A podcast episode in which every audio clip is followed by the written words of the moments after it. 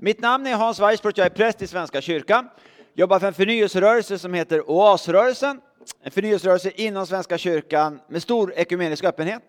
Eh, har den stora favören att känna Sam sedan ett antal år. Mycket god vän, väldigt tacksam för inbjudan Sam att få komma hit. Eh, jag kom till tro under tonåren. Jag är gift med en fru, bäst så. Vi gifte oss 1990, så vi har inte varit gifta så länge, men 29 år, så en liten stund. Eh, vi har kommit förbi nygifta fasen kan man väl säga. Och så har vi tre barn.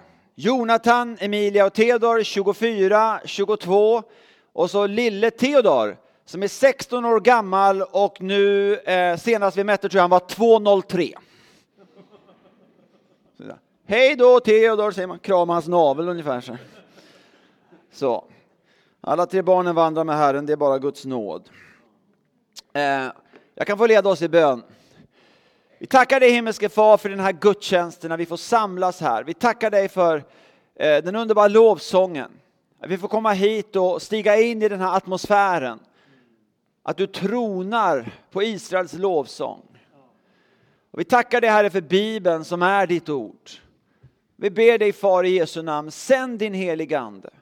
Kom helige Ande och blås på ditt eget ord. Gör det levande, verksamt. Låt det tränga in i våra hjärtan och där skapa liv. Det ber vi dig Far i Jesu namn. Amen. Um, igår var jag i Jerusalem och eh, började flyga hemåt på kvällskanten. Och bland det sista jag såg i Jerusalem är en eh, eh, del av staden som vi ska stanna upp vid denna söndag. Så jag hoppas du har lite barnasinne kvar, har du det? Ja, men underbart. Då tänker vi så här att eh, ni sitter på ett berg och nu är jag väldigt omedveten om väderstrecken här just nu. Det, det, vi, vi, tar de som jag säger nu. och då är, eh, det här är väster, det är öster, det är söder och det är norr. Och berget ni sitter på heter på hebreiska Hara Setim eller Hara Shemen, Olivberget eller Oljeberget. Det berget är på 800 meters höjd. Och eh, när ni sitter där och tittar västerut, vad ser ni ut över? Enköping? Nej. Eh, Jerusalem, eller hur? Gamla stan och tempelplatsen och nedanför er har ni Kidrondalen och Getsemane. Och det här är ju inte vilket berg som helst, det här är profetiskt berg som omnämns ett antal gånger i Bibeln. Så väster om er har ni Kidrondalen, Getsemane och sen på andra sidan där jag står, hej hej, eh, tempelplatsen, fast jag borde egentligen vara lägre ner, men, men, men det får vi leva med. Eh, och eh, på östsidan har ni öknen. För gränsen mellan det grönskande landet som arbetar mot Medelhavet och öknen eh, är precis på Olivbergets krön så vänder ni er om ser ni en öken. Fruktansvärd, vacker, Judeens stenöken. Söderöver ringlar sig bergskedjan ner och cirka 15 kilometer söderöver har ni Betlehem, där Jesus föddes. Och norrut så fortsätter bergsryggen upp mot Samarien. Det här berget är själva scenen för palmsöndagen. Då Jesus rider på åsnan över Olivbergets krön och hyllas och tillbes av tusentals och åter tusentals eh, som eh, hänförs över att få den möjligheten. Om vi ska ta huvudpersonerna under palmsöndagen så ni vet, som på söndagsskolan, rätt svar är alltid ja, Jesus är huvudperson. Men det finns några andra och det är åsnan. Det är också en huvudperson. Och sen har vi tre andra personer som Johannes lyfter in. Ni vet Johannes, han skrev, aposteln Johannes, skrev sitt evangelium förmodligen på 90-talet. Det sista av evangelierna. Han var ju den enda aposteln som vi trodde inte blev martyr, utan levde till gammal ålder. Och jag hade en stund över en hösttermin för ett par år sedan. Så jag fick hänga med ett litet forskarlag i Göteborg som läste några tegelstenar, så här, sista skriket från forskarvärlden om Johannes evangelium. Och då läste vi någon sådana här tegelsten, det var riktigt kul att diskutera och hade oss, skrev lite papper. Eh, fast jag blev aldrig klar med mitt, men ändå. Och eh, vet ni vad författaren hade för teori? Håll i er nu. Hans teori var Johannes evangeliet är skrivet av Johannes. Är inte makalöst vad de kan komma fram till där uppe på universiteten? I vilket fall, Johannes, eh, när han skriver så leder den heliga ande honom att, att eh, komma med ett par pusselbitar som de andra evangelisterna inte har. På många olika fascinerande sätt. Och det bland annat Johannes ger oss. Med tanke på palmsöndagen och Jesu intåg till Jerusalem på åsnan så ger Johannes oss mycket mer av bakgrunden. Hur Jesus mycket målmedvetet, eh, eh, ska man säga, var med och bidrog till att den messianska eh, febern var på en absolut höjdpunkt. Och han lyfter in Johannes, tre personer som oerhört viktiga i detta skeende. Och det är tre personer som nämns av Lukas. Men hos Johannes får vi mycket, mycket mer. Och jag måste säga otroligt tacksam till Johannes och till Gud att han kallar Johannes och ger oss lite mer pusselbitar, inte minst om dessa tre. För det bygger en mycket, mycket rikare bild. Och de här tre personerna som du kanske har hört talas om, det är Marta, Maria och Lazarus. Känns de igen? Ja. Jag har en sån här egen liten... Eh, ni vet, man har vissa saker i Bibeln som man känner lite extra för. Har du också det? Eller hur? Lite sån här. Och en sak som jag känner för det, jag känner väldigt mycket för Marta. Alltså jag, jag, tycker hon är en av de mest missbehandlade personerna i hela Bibeln. Så, så i, idag tänkte jag slå ett slag för Marta. Eh, men vi får börja där allting börjar med Marta, Maria och Lazarus för att arbeta oss upp till Olivberget. Och då går vi till Lukas 10. Och då är det så här med Marta, Maria, Lazarus. De bodde i en by som hette det är många här bibelsprängda har jag. Betania har jag som ett rop från församlingen. Betania på hebreiska betyder de fattigas hus och den byn eh, vars ruiner är framgrävda ligger precis bakom Olivbergets krön. Ett stenkast därifrån. Och det får oss kanske redan nu att börja ana hur dessa tre kan dras in i skeendet då Jesus rider över Olivbergets krön i och med att de bor så nära. Och eh, vi möter dem i Lukas 10, vers 38. Det står så här. Medan de var på väg kom Jesus in i en by och en kvinna som hette Marta tog emot honom i sitt hem.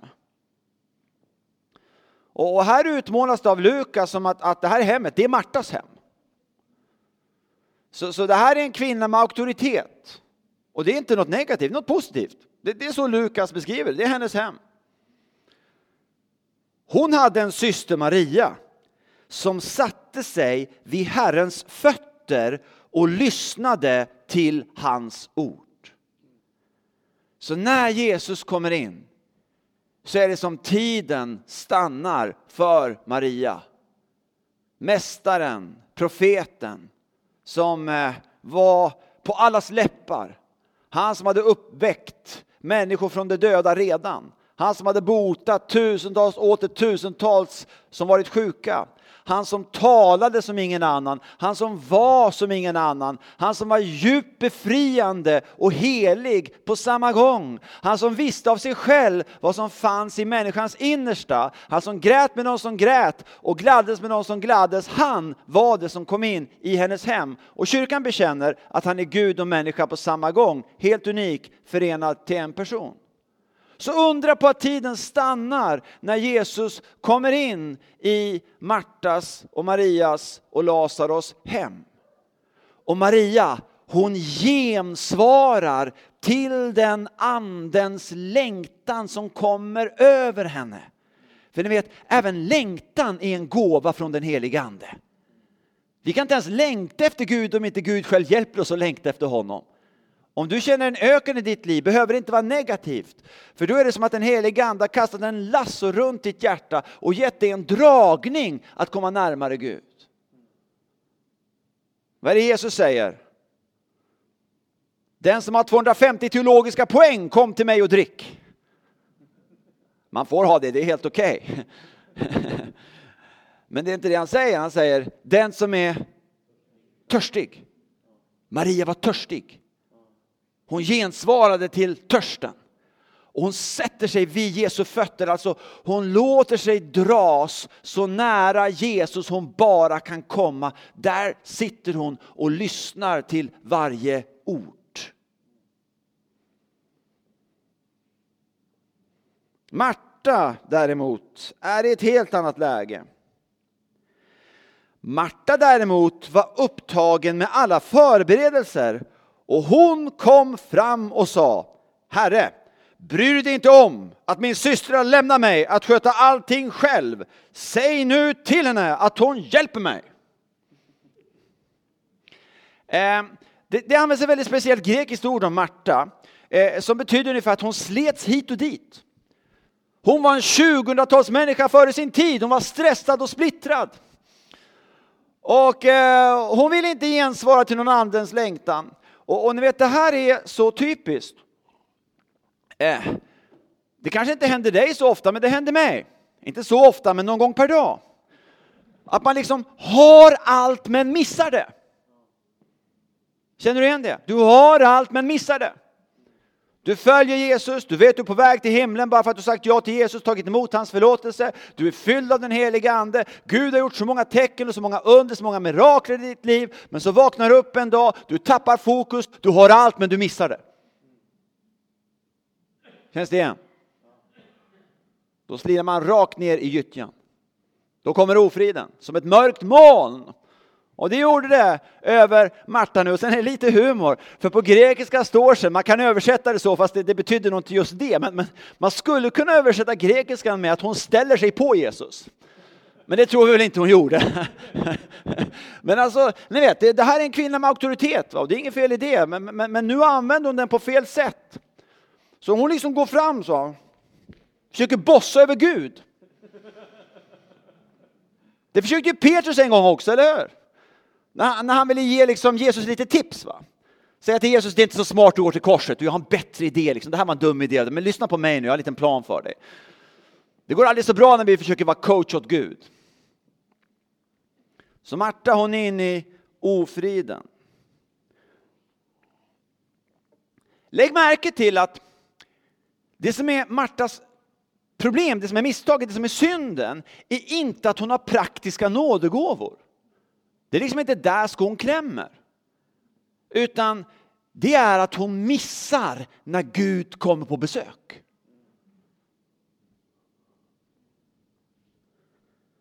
Och så kommer Jesus svar. Herren svarade henne. Martas ton är stressad.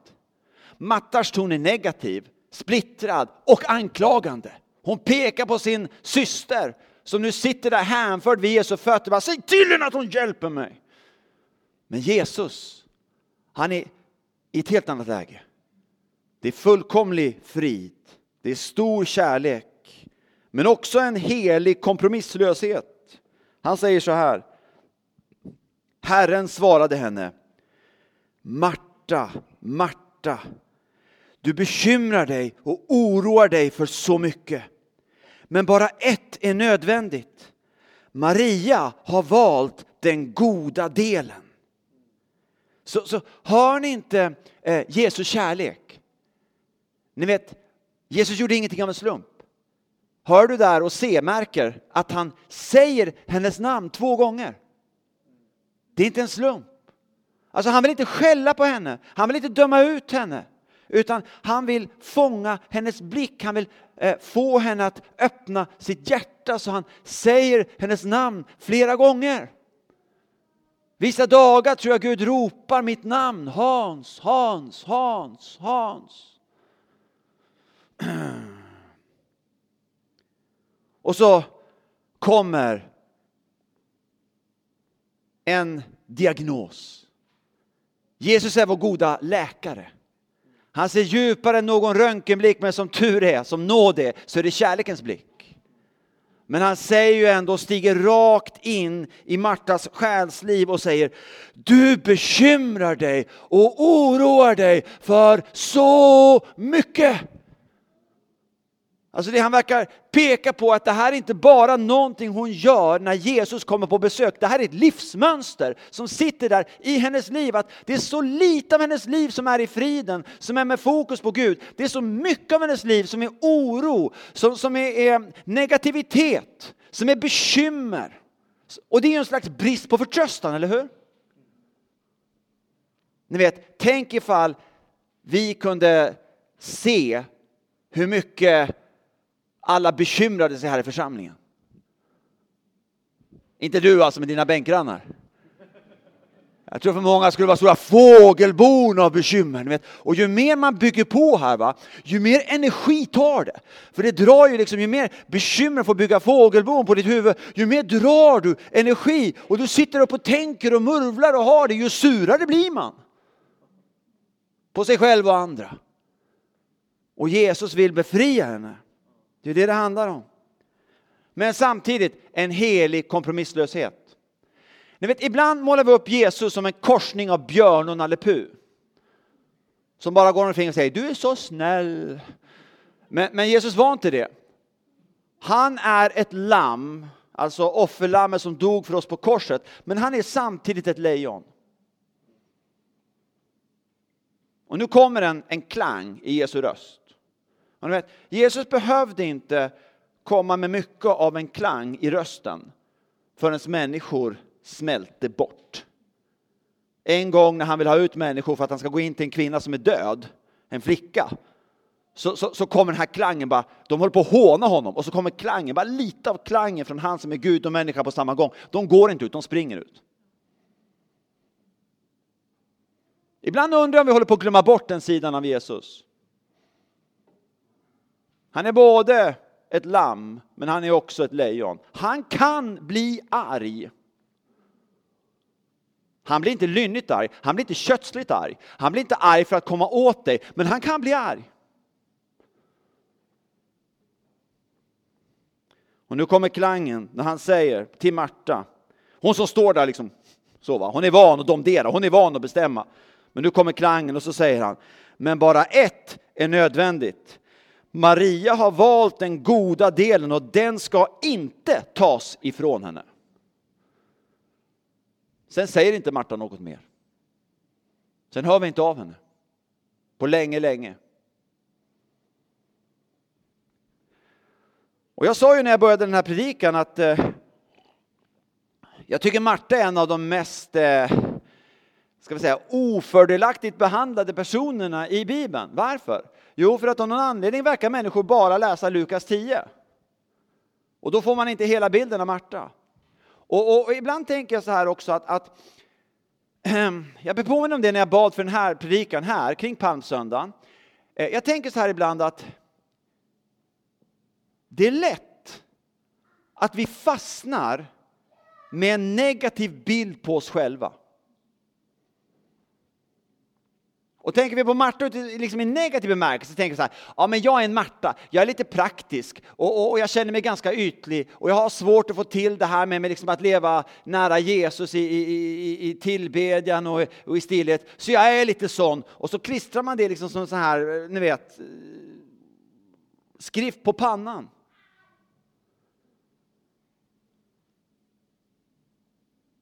Men till dig som känner dig så, vill jag bara säga att jag beundrar Marta. Marta är en av de personerna i Bibeln jag beundrar mest. Varför? Jo, för när hon får den här förmaningen så låter hon den förvandla henne. Hon tar den ödmjukt. Hon tar den på rätt sätt. Och det märker vi nästa gång vi möter Marta. Och nu har vi kommit mycket närmare palmsöndagen. Nu går vi till Johannes kapitel 11. Och nu har vi den här dramatiska situationen av att Lazarus har legat död i fyra dygn. Och Jesus kommer nu till byn Betania. Lazarus varit död i fyra dygn. Och vad händer då? Jo, då ser vi vad som händer i Johannes 11 från vers 17. Det står så här. När Jesus kom fram fann han att Lazarus redan hade legat fyra dagar i graven. Betania låg nära Jerusalem, ungefär tre kilometer därifrån. Många judar hade kommit ut till Marta och Maria för att trösta dem i sorgen över deras bror. Okej, okay, nu vet vi situationen. Den är desperat. Lyssna nu, häng med här på Marta, så står det så här. När Marta fick höra att Jesus hade kommit gick hon ut och mötte honom. Men Maria stannade kvar hemma. Och det är så intressant när man fortsätter läsa Johannes 11, jag ska göra det precis. För att i den här texten är det nu Marta som verkligen är den som går i tro. Det är Marta som har fokus på Jesus. Det är Marta som talar ut ord som vi läser på nästan varenda begravning, varenda kristen begravning, så brukar man läsa det som Marta kommer fram till i konversationen med Jesus. Maria, hon sitter kvar i, i tvivel och i ofrid där hemma. Och jag tror att det här är lite medvetet att Bibeln plockar fram det här för att vi har en tendens till att sätta in människor i fack. Den här personen är from och duktig. Den här personen lyckas inte med någonting och är ganska ytlig. Och ofta hamnar vi själva i det negativa facket och så sitter vi fast där. Men Marta och Maria lär oss att allt handlar om vad vi gör med den dag vi lever i nu. Vill du ha fokus på Jesus idag? Då kan du som Marta få komma nära Jesus och vem vet vad Gud kommer säga till dig? Vem vet vad som kommer komma fram i din livsvandring? Vi ska se vad som händer för Marta. Det står så här. Marta sa till Jesus, jag får alltid gåshud när jag läser det här. Herre, om du hade varit här skulle min bror inte ha dött. Men också nu vet jag att Gud kommer att ge dig vad du än ber honom om. Jesus sa, din bror ska uppstå. Häng med nu på Marta. Marta svarade, jag vet att han ska uppstå vid uppståndelsen på den yttersta dagen. Jesus sa, jag är uppståndelsen och livet. Den som tror på mig ska leva om han än dör. Och den som lever och tror på mig ska aldrig någonsin dö. Tänk att detta samtal utspelar sig typ någon vecka eller ett par veckor innan palmsöndagen, precis bakom krönet av Olivberget. Häng med nu på vad Marta säger. Tror du detta? frågar Jesus. Hon svarade, ja herre, jag tror att du är Messias, Guds son, han som skulle komma till världen. Snacka om comeback. Maria däremot, vers 28. När hon hade sagt detta gick hon och kallade på sin syster Maria och viskade Mästaren är här och kallar på dig. Så snart hon hörde det reste hon sig och gick ut till honom. Jesus hade inte gått in i byn än, utan var kvar på platsen där Marta hade mött honom. Judarna som var hemma hos Maria och tröstade henne såg att hon reste sig hastigt och gick ut. Då följde de efter henne i tron att hon skulle gå till graven för att gråta där. När Maria kom till platsen där Jesus var och fick se honom föll hon ner vid hans fötter och sa till honom, Herre, om du hade varit här skulle min bror inte ha dött. Inget mer. Ser ni hur de har bytt plats?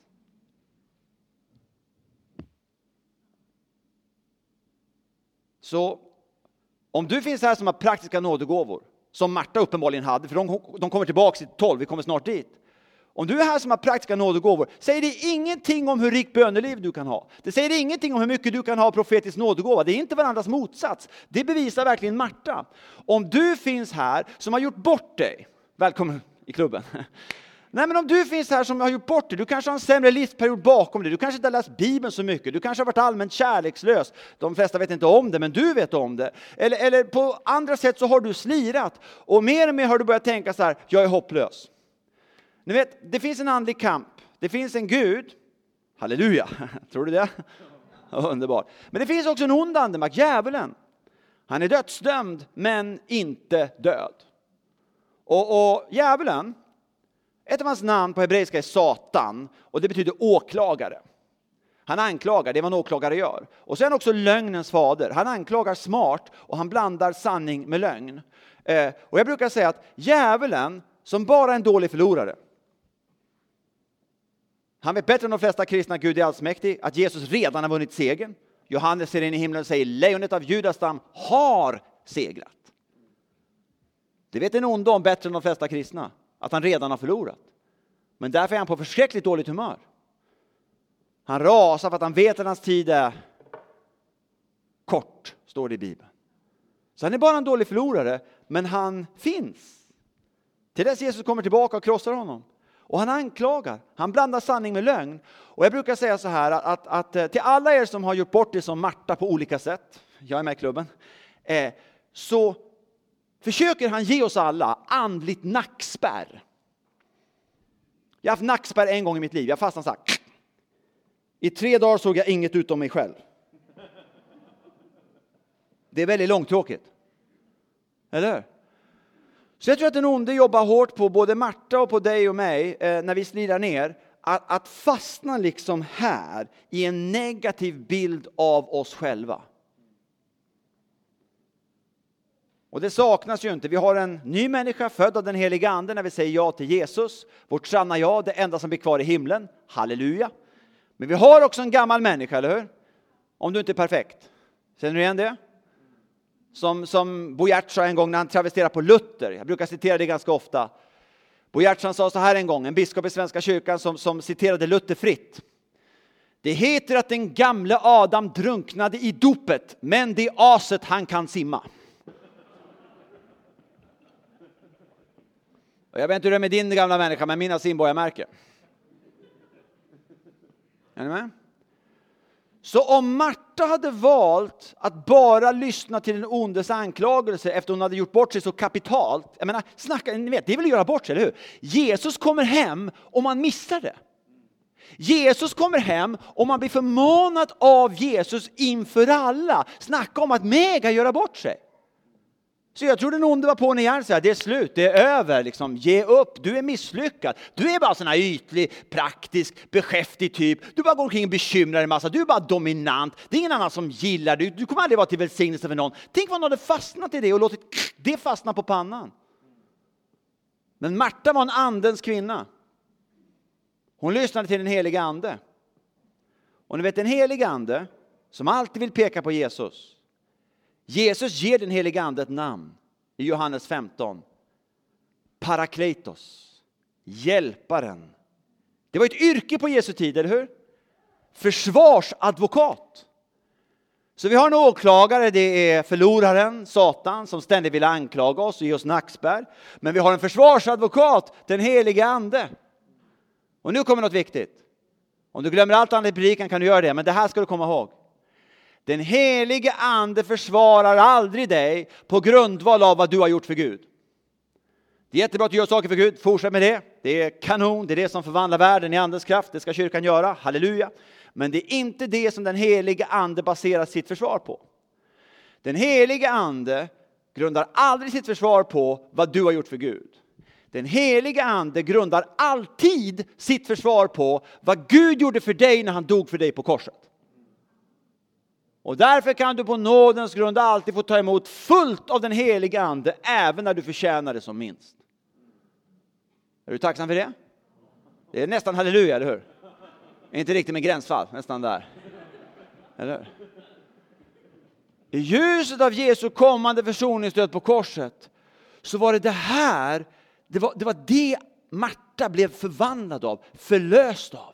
För det hon hade med sig, det jag tror anden visade henne, som gjorde att hon inte fastnade i fördömelse och förkastelse, fast hon hade gjort bort det så kapitalt, det var att den helige ande påminde henne om Jesu barmhärtiga ansikte, hans varma, heliga ögon. Marta, Marta, han visste att, att hon skulle ta emot det tilltalet om att Jesus älskade henne mer än hon älskade sig själv.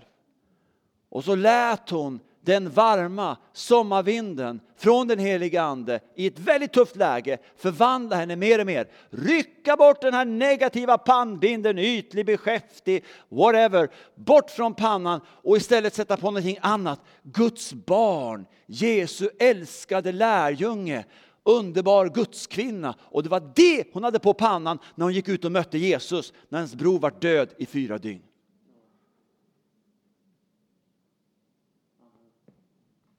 Och därför tänker jag idag att jag tror att Gud vill ta många fastnitade, negativa epitet, livsperioder, vad vi än har kommit in i som liksom gjort att vi tittar negativt på oss själva.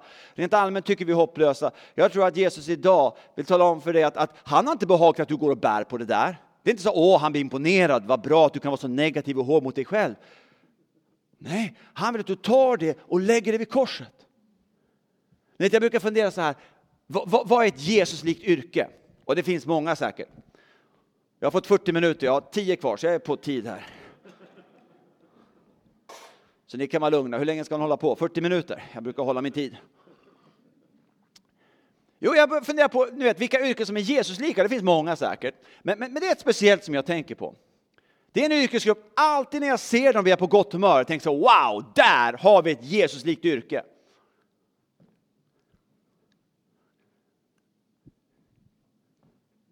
Sopåkare! Det är ju makalöst! Jag, jag hade en liten morgonbön hemma hos mig, det hände någon gång ibland, för två veckor sedan. Stod där i mitt kök och så hörde jag utanför köket, så kommer sopbilen och de går ut. Och jag tittade och jag kände bara hur en anden bara lyste på när de kom. De tar mitt skräp!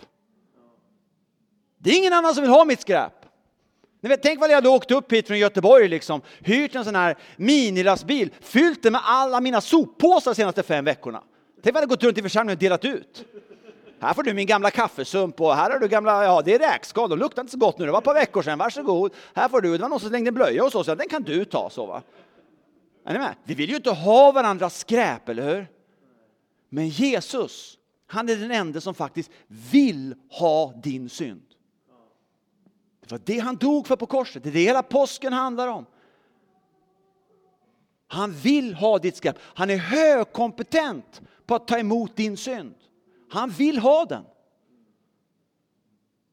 Och ni vet, nu med i Mölndal så är vi så klimatsmarta så att vi har ju det så att man delar upp sitt skräp i massa olika små pryttlar. Det går jättebra. Eh, och så kör de iväg det så att, så att det, det kommer tillbaks till oss, fast i förädlad form.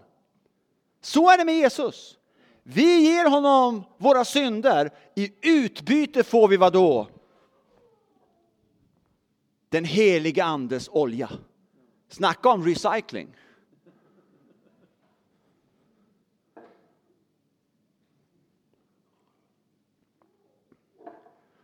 Och på mina sista sju minuter då, sen under bibelstudiet ska vi tala om palmsöndagen när han red över berget och allt det betyder, men just nu ska vi stanna upp vid början av den bibeltext som läses i alla svenskkyrkliga kyrkor och många andra kyrkor eh, denna söndag.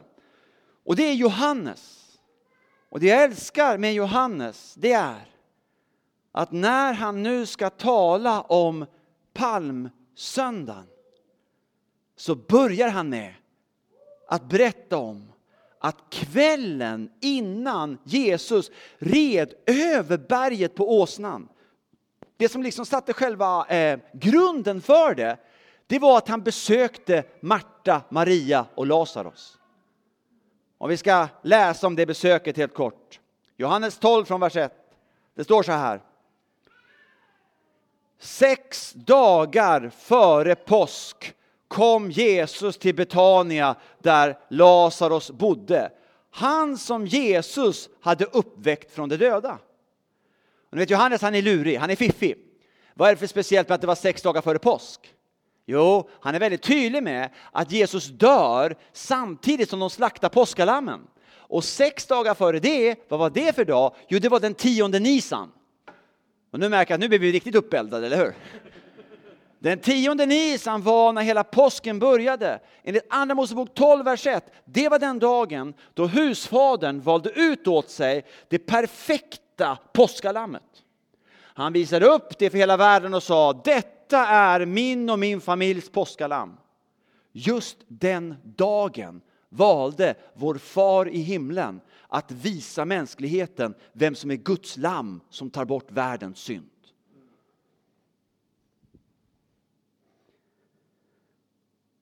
Och så kommer nu Jesus tillbaks till Lazarus. Han uppväckte honom från de döda. Han har varit död i fyra dygn. Det gick som en pulsstöt genom hela Jerusalem. Bara några veckor innan påsk, då hundratusentals, kanske miljoner, redan var på väg upp till Jerusalem. Jesus var redan i ropet innan det, men du kan ju tänka dig vad som hände när det här skedde på Jerusalems tröskel. Nu, precis kvällen innan Jesus själv ska rida över Olivberget, sätter sig Jesus och äter tillsammans med Lazarus. Han gör det på den kvällen då sabbaten gått ut. Det var igår kväll, det är lördag kväll.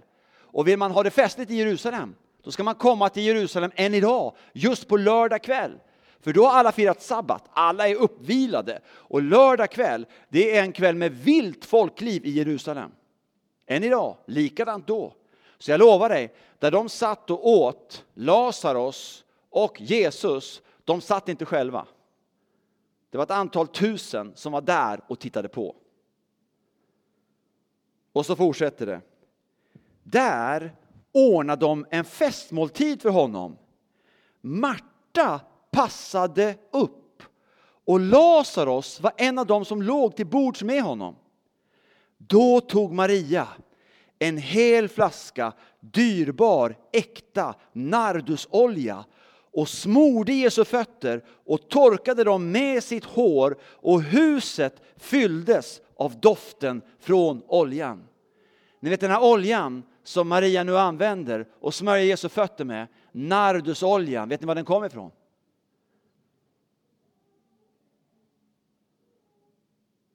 Den kom från Himalaya. Den kommer från jordens högsta bergskedja. Och den oljan hon använde att smörja Jesu fötter med, den kostade i dagens penningvärde, vad ska vi säga, 300 000 på en smörjning.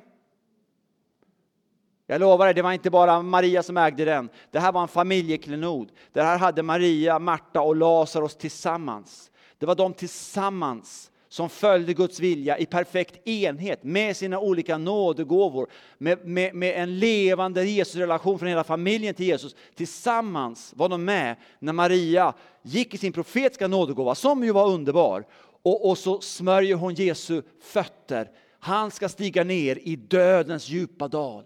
Han ska stiga ner i ett seman och svettas ångest, eh, blod av ångest för att han dricker in vår synd i sin kropp. Precis innan han går ner i den dalen smörjer Maria honom, ledd av den heliga Ande, med olja från världens högsta bergskedja. Ett tecken på just det du sa. Han kommer uppstå från de döda. Han är på väg upp till bergen igen.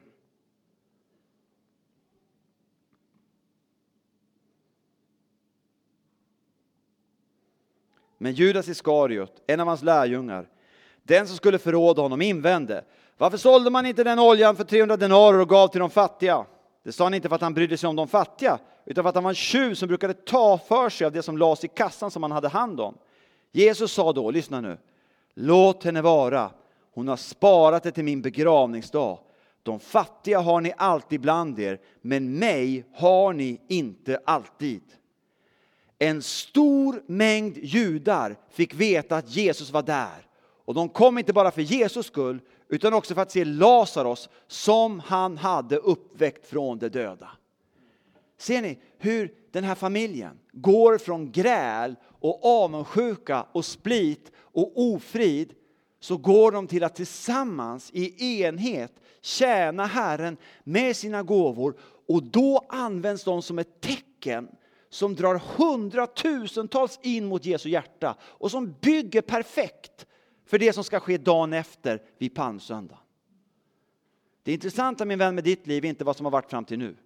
Det är klart att det är intressant, Gud bryr sig om vår historia. Men det du kan påverka, det är det som händer från nu och framöver. Och då är frågan, vill du vara Marta i det här sura läget i Lukas 10?